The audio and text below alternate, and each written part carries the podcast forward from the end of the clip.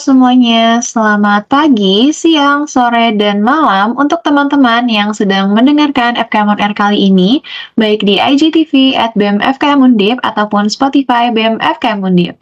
Halo semuanya, perkenalkan aku Dewi Tarbena Hanifa, staf muda bidang Halmas BEM FKM Undip 2023 yang akan selalu menjadi moderator pada FKM On Air. Mungkin udah nggak asing lagi ya teman-teman. Nah, akhirnya nih kita ketemu lagi di kegiatan FKM On Air yang udah ketujuh yang akan membahas mengenai Semarang and its scorching season. Gak kerasa ya, Air ini udah nemenin teman-teman semua sampai saat ini membawakan informasi kesehatan yang up to date. Gimana kabarnya teman-teman? Semoga kalian semua bisa sehat dan bahagia selalu. Dan ini kayaknya musim-musim setelah UTS ya. Aku harap teman-teman bisa mendapatkan nilai yang memuaskan ya. Amin. Nah, Ngomong-ngomongin tentang Semarang and its scorching season, gila ya. Soalnya Semarang ini tuh lagi panas-panasnya sih menurut aku, kayak gongnya gitu. Aku sampai kalau udah keluar siang-siang, itu tuh bete karena saking panasnya dan udah ngindarin banget pakai baju yang warna hitam. Nah, ngomong-ngomong soal panas nih, kalian sadar nggak sih kalau ke sini tuh makin panas, apalagi Semarang. Walaupun emang Semarang terkenal dengan mataharinya yang ada 10 itu, tapi rasanya sekarang tuh mataharinya ada 15, teman-teman. Apalagi kalau udah jam 12, jam 1, bagi kita anak kuliahan yang selalu naik motor, wah itu bener-bener panas. Bahkan mataku sampai perih, karena anginnya itu tuh angin panas, bukan angin sejuk. Walaupun kemarin udah sempet hujan dikit-dikit gitu ya pas malam, tapi pas siang tuh tetap aja panas banget gitu. Nah, kira-kira ada apa sih kok bisa ya sepanas ini daripada kita nanya-nanya sendiri, akhirnya kita nggak ketemu jawabannya. Yuk langsung aja tanya ke narasumber kita. Halo Kak Esti. Halo Dewinta. Oke, mungkin Kak Esti boleh nih memperkenalkan dirinya terlebih dahulu. Ya, terima kasih ya Dewinta uh, atas kesempatannya. Mungkin dalam program FKM on air dari BEM FKM Undip. Uh, kenalin aku Esti Widya Suti Prabasukma, boleh dipanggil Esti dari Kesehatan Lingkungan 2024. Oke, halo Kak Esti. Ini biasanya dipanggil Kak Esti kan ya? Iya, iya. Kak Esti. Oke. Ya, Kak Esti ini dari FKM Undip, teman-teman, dari Peminatan Kesehatan Lingkungan. Dan emang karena udah dari narasumbernya terkait dengan kesehatan lingkungan, pastinya kita akan membahas nyerempet-nyerempet lah tentang kesehatan lingkungan gitu. Nah, gimana Kak Esti kabarnya pada malam hari ini? Um, Alhamdulillah baik ya dan baru aja selesai ujian. Wah, iya teman-teman, emang pas lagi perekaman ini kita memang lagi ujian ya Kak sebenarnya, tapi tidak ya. menghalangi kesempatan kita untuk sharing informasi gitu ya. Nah, mungkin tanpa berlama-lama lagi nih Kak, karena ada beberapa pertanyaan yang bikin penasaran nih tentang kondisi dari Indonesia atau terkhususnya Semarang terkait dengan cuacanya. Nah, menurut Kakak nih, kondisi faktual di Indonesia terkait dengan cuaca panas ini tuh gimana sih Kak, terutama uh, di Semarang gitu? Oke, kalau ngomongin soal kondisi faktual, pastinya kita based on data ya. Nah, e, berdasarkan pengamatan dari BMKG sendiri, untuk suhu maksimum yang terukur pada periode 22 sampai 20, 29 September 2023 ini cukup tinggi. Jadi berkisar antara 35 sampai 38 derajat Celcius. Nah, pengukuran sendiri itu dilakukan uh, ada di BMKG Semarang, Jawa Tengah untuk uh, kisaran derajat 35 sampai 38 tadi. Dan untuk pengukuran yang dilakukan di sekitaran Jabodetabek itu 35 sampai 37,5 derajat Celcius. Oke, nah kalau dilihat dari penjabarannya Kak SD tadi, berarti emang Semarang agak lebih panas sedikit gitu ya dari Jabodetabek, Kak? Benar-benar, bahkan kemarin juga ada data kalau Semarang itu nomor satu terpanas di Indonesia. Wah iya, aku juga ngeliat tuh itu kayak menggeser Sidoarjo dan Surabaya, aku lihat-lihat ya. Hebat nih Semarang ya. Iya, ya ampun. Nah, emang sih Kak, aku juga ngerasa sebenarnya di bulan September, mulai dari Agustus sebenarnya, Agustus, September, dan Oktober ini tuh lagi panas-panasnya.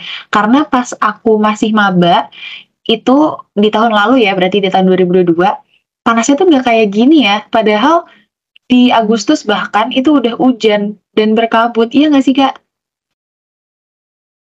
Iya, benar benar benar. Um, dalam periode satu tahun ini, kenapa bisa perubahannya itu tuh kok kayak berasa banget gitu? Kalau di tahun lalu bulan Agustus aja tuh udah uh, mulai-mulai hujan gitu. Nah, kalau di sekarang-sekarang ini, kenapa sih Kak hal tersebut itu bisa terjadi gitu? Kok bisa sampai panas banget nih di Semarang?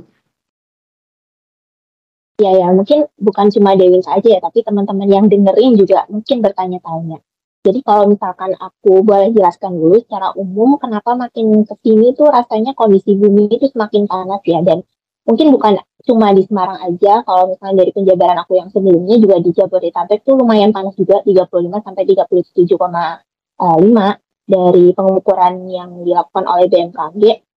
Uh, eh, ini memang panas dari kondisi sebelum-sebelumnya dari tahun-tahun sebelumnya juga. Jadi kondisi bumi yang makin panas ini uh, disebabkan oleh adanya perubahan iklim. Nah, perubahan iklim ini berasal dari pemanfaatan um, seperti batu bara, minyak bumi, dan gas alam yang memang uh, itu merupakan hasil dari aktivitas manusia sendiri. Kemudian dari pemanfaatan batu bara, minyak bumi, gas alam itu dijadikan bahan bakar kendaraan. Nah, mungkin dari teman-teman yang dengerin, atau mungkin kita juga nih, kan suka kalau berangkat ke kampus atau pergi ke mana-mana, dikit-dikit naik motor, dikit-dikit naik motor. Padahal sebenarnya ada transportasi umum gitu cuma biar lebih cepat aja pakai um, kendaraan pribadi. Nah sebenarnya itu uh, kurang baik karena emisi dari kendaraan bermotor kayak karbon dioksida itu menyebabkan um, panas matahari itu terperangkap di dalam bumi dan uh, karena terperangkap itu yang disebut dengan GFK atau gas rumah kaca. Mungkin uh, kurang lebihnya seperti itu penjelasan Oke, nah, ya emang paling kayaknya paling gampang dimengerti kenapa jadi panas gitu ya di Indonesia karena emang di Indonesia sendiri itu kendaraan udah melimpah ruah ya kak ya. Kayaknya semua orang tuh pasti punya kendaraan gitu. Benar-benar dan jumlahnya juga nggak cuma satu kan. Betul, padahal sebenarnya udah ada transportasi umum ya. Ini sebenarnya termasuk aku juga sih yang pakai uh, kendaraan pribadi. Mungkin bisa nih dikurangin ke depannya. Oke, nah uh, kalau tadi udah dijelasin nih kondisi faktualnya dan kenapa sih hal tersebut itu bisa terjadi, sekarang apa sih Kak sebenarnya dampak yang akan terjadi terhadap kesehatan lingkungan? Mm-hmm. Uh, mungkin tadi aku nyambung dulu yang masalah uh, kenapa hal tersebut dapat terjadi. Aku lupa untuk menjelaskan kalau harusnya dikerucutkan lagi dari kondisi tarik yang ada di Semarang.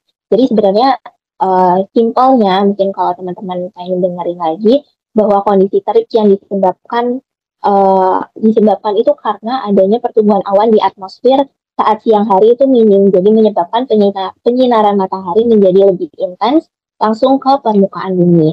Kemudian di bulan Oktober uh, ada gerak semu tahunan matahari yang terjadi di sepanjang selatan ekuator. Jadi sepanjang selatan ekuator itu seperti Jawa, Bali. Nah, baru peralihan musim penghujan ada di sekitar November nanti.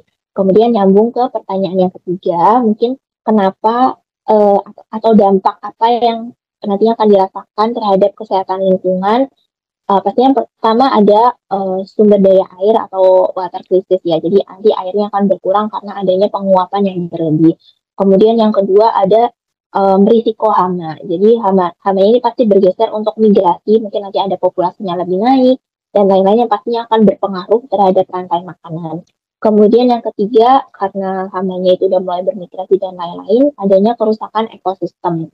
Contohnya misalnya di karang laut, karena makin panas, uh, karang lautnya itu bisa rusak. Kemudian tumbuhan dan hewan juga nggak bisa sebenarnya hidup dalam kondisi yang terlalu panas tumbuhan juga nanti pada layu, uh, mungkin nanti banyak yang mati, kemudian uh, itu semua kan disebabkan karena kekeringan. Kemudian ada lagi uh, kebakaran hutan, dan yang terakhir ini ada misalnya es kutub yang menyebabkan daratan semakin sempit karena permukaan air air laut itu semakin banyak volume.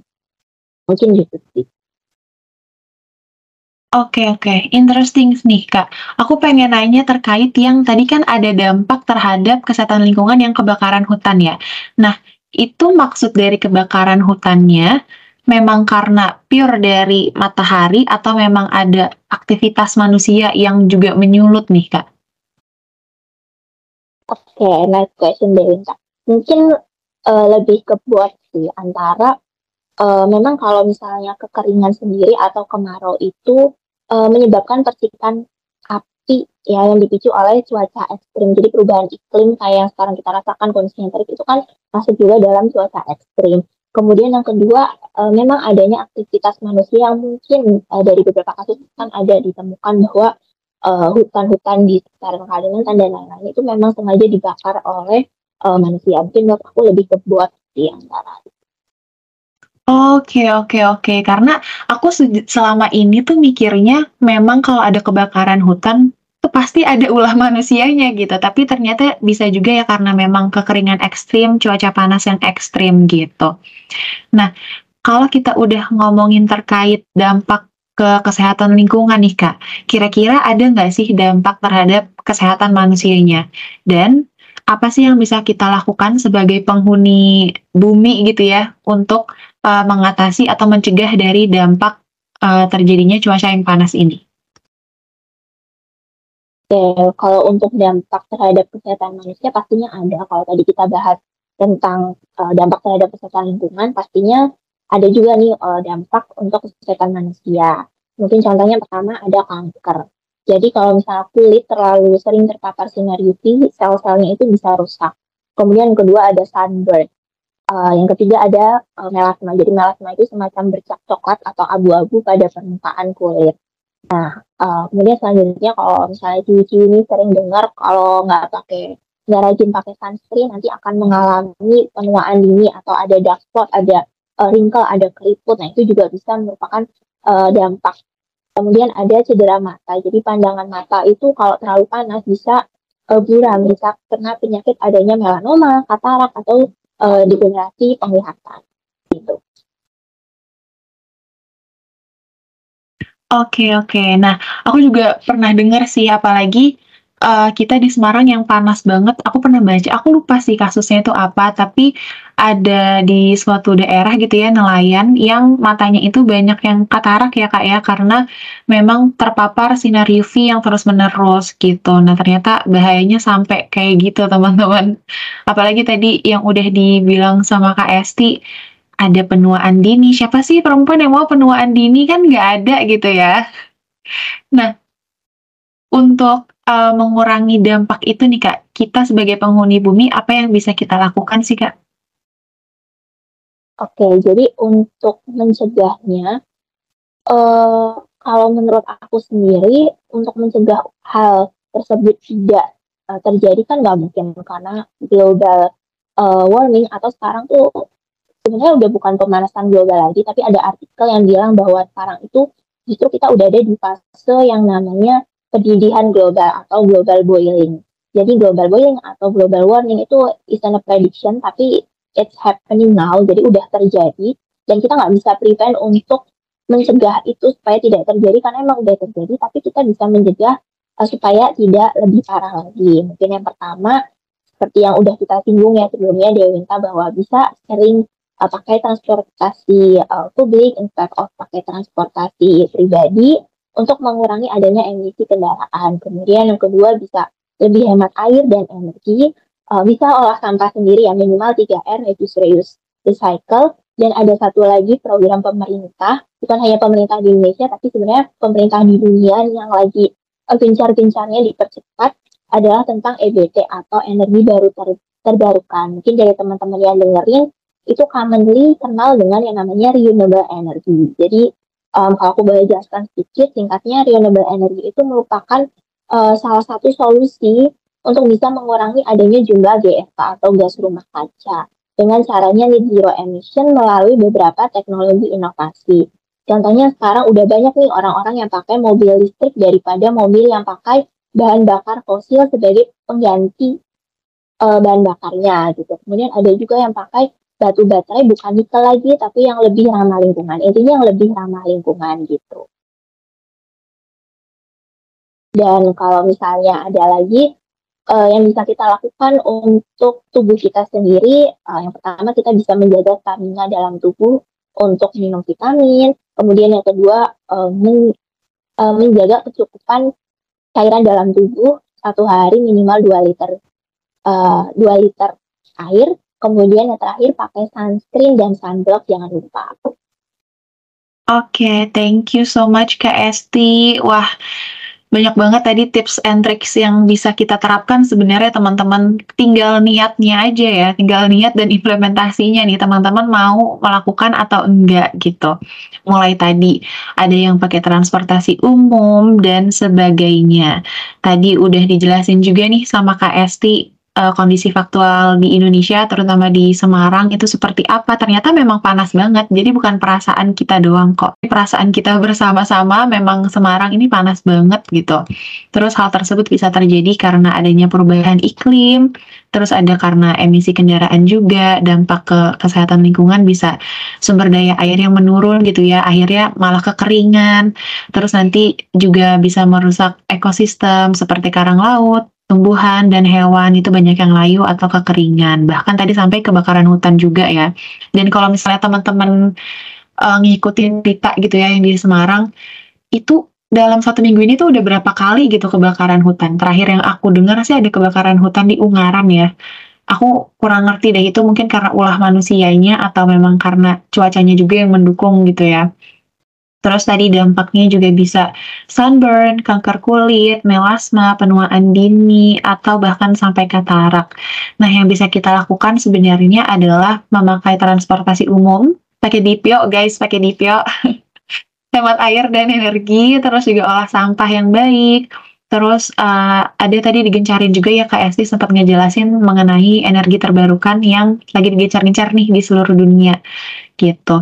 Terus untuk tubuh kita juga bisa menjaga stamina, terus menjaga kecukupan air dalam tubuh. Airnya ini bukan air boba ya teman-teman, tapi air mineral, air putih gitu. Dan jangan lupa pakai sunscreen. Oke, mungkin karena pertanyaannya juga udah dibahas nih dan dijelaskan semua oleh Esti, kita udah dapet tips and tricksnya juga. Mungkin sebelum aku tutup dari Esti ada closing statement nggak untuk para pendengar FKM On Air? Oke, mungkin setelah sharing-sharing nih tentang pendidikan global, terus ada tadi aku sempat sebut juga tentang renewable energy dan uh, kenapa sih cuaca di Semarang itu bisa seterik ini? Mungkin ada satu pesan dari Petri Kalas, seorang uh, meteorologi dunia, bahwa orang bisa membantu menyelamatkan pemanasan global dengan mengubah gaya hidup. Nah, mungkin pemanasan global itu merupakan uh, pemanasan yang terjadi secara global atau umum, sehingga diselesaikannya juga secara global atau bersama-sama. Jadi, uh, ayo teman-teman kita sama-sama uh, mengurangi supaya uh, pemanasan global atau pada fase pendidikan global, pendidikan ya global ini tidak semakin parah dan nantinya juga dampak itu kita juga yo kita juga loh yang merasakan. Mungkin itu aja closing statement dari aku. Oke, thank you Kak Esti. Aku setuju sih sebenarnya yang penting pelan-pelan tapi pasti ya Kak ya. Mulai dari step yang kecil dulu tuh tadi Kak Esti juga sempat ngomong terkait dengan um, pengolahan sampah yang baik itu juga termasuk step loh teman-teman untuk menjaga bumi. Karena bumi itu sebenarnya tempat tinggal kita bersama dan kita harus menjaganya dengan baik gitu. Nah sebelum aku tutup aku mau ucapin sekali lagi terima kasih banyak untuk Esti yang sudah berkenan menjadi pembicara di FKM On Air ke-7 tentang Semarang and its scorching season. Dan juga aku mau ucapkan terima kasih kepada teman-teman pendengar FKM On Air semuanya Oke teman-teman, jangan lupa untuk share talk show Kemon Air ini ke orang terdekat kalian supaya informasi kesehatan ini tidak putus di kamu saja ya. Yuk bantu tingkatkan pengetahuan masyarakat terkait kesehatan agar hal buruk bisa dicegah. Jangan lupa untuk dengerin dan tungguin terus Kemon Air selanjutnya yang bisa kalian dengerin di IGTV at BMFK Mundip, Spotify BMFK Mundip, dan Youtube BMFK Mundip. Aku Dewintara Biana Hanifah, staf muda bidang Halmas, pamit undur diri dan sampai jumpa teman-teman. Salam sehat!